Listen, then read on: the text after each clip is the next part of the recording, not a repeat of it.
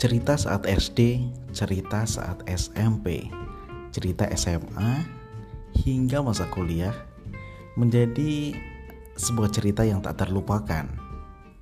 Nah, di episode kali ini saya bakal mengajak teman saya dan beberapa tamu untuk bercerita bagaimana keseruan mereka di masa-masa sekolah. Jadi, tetap pantengin terus channel saya di Rafa Dirga.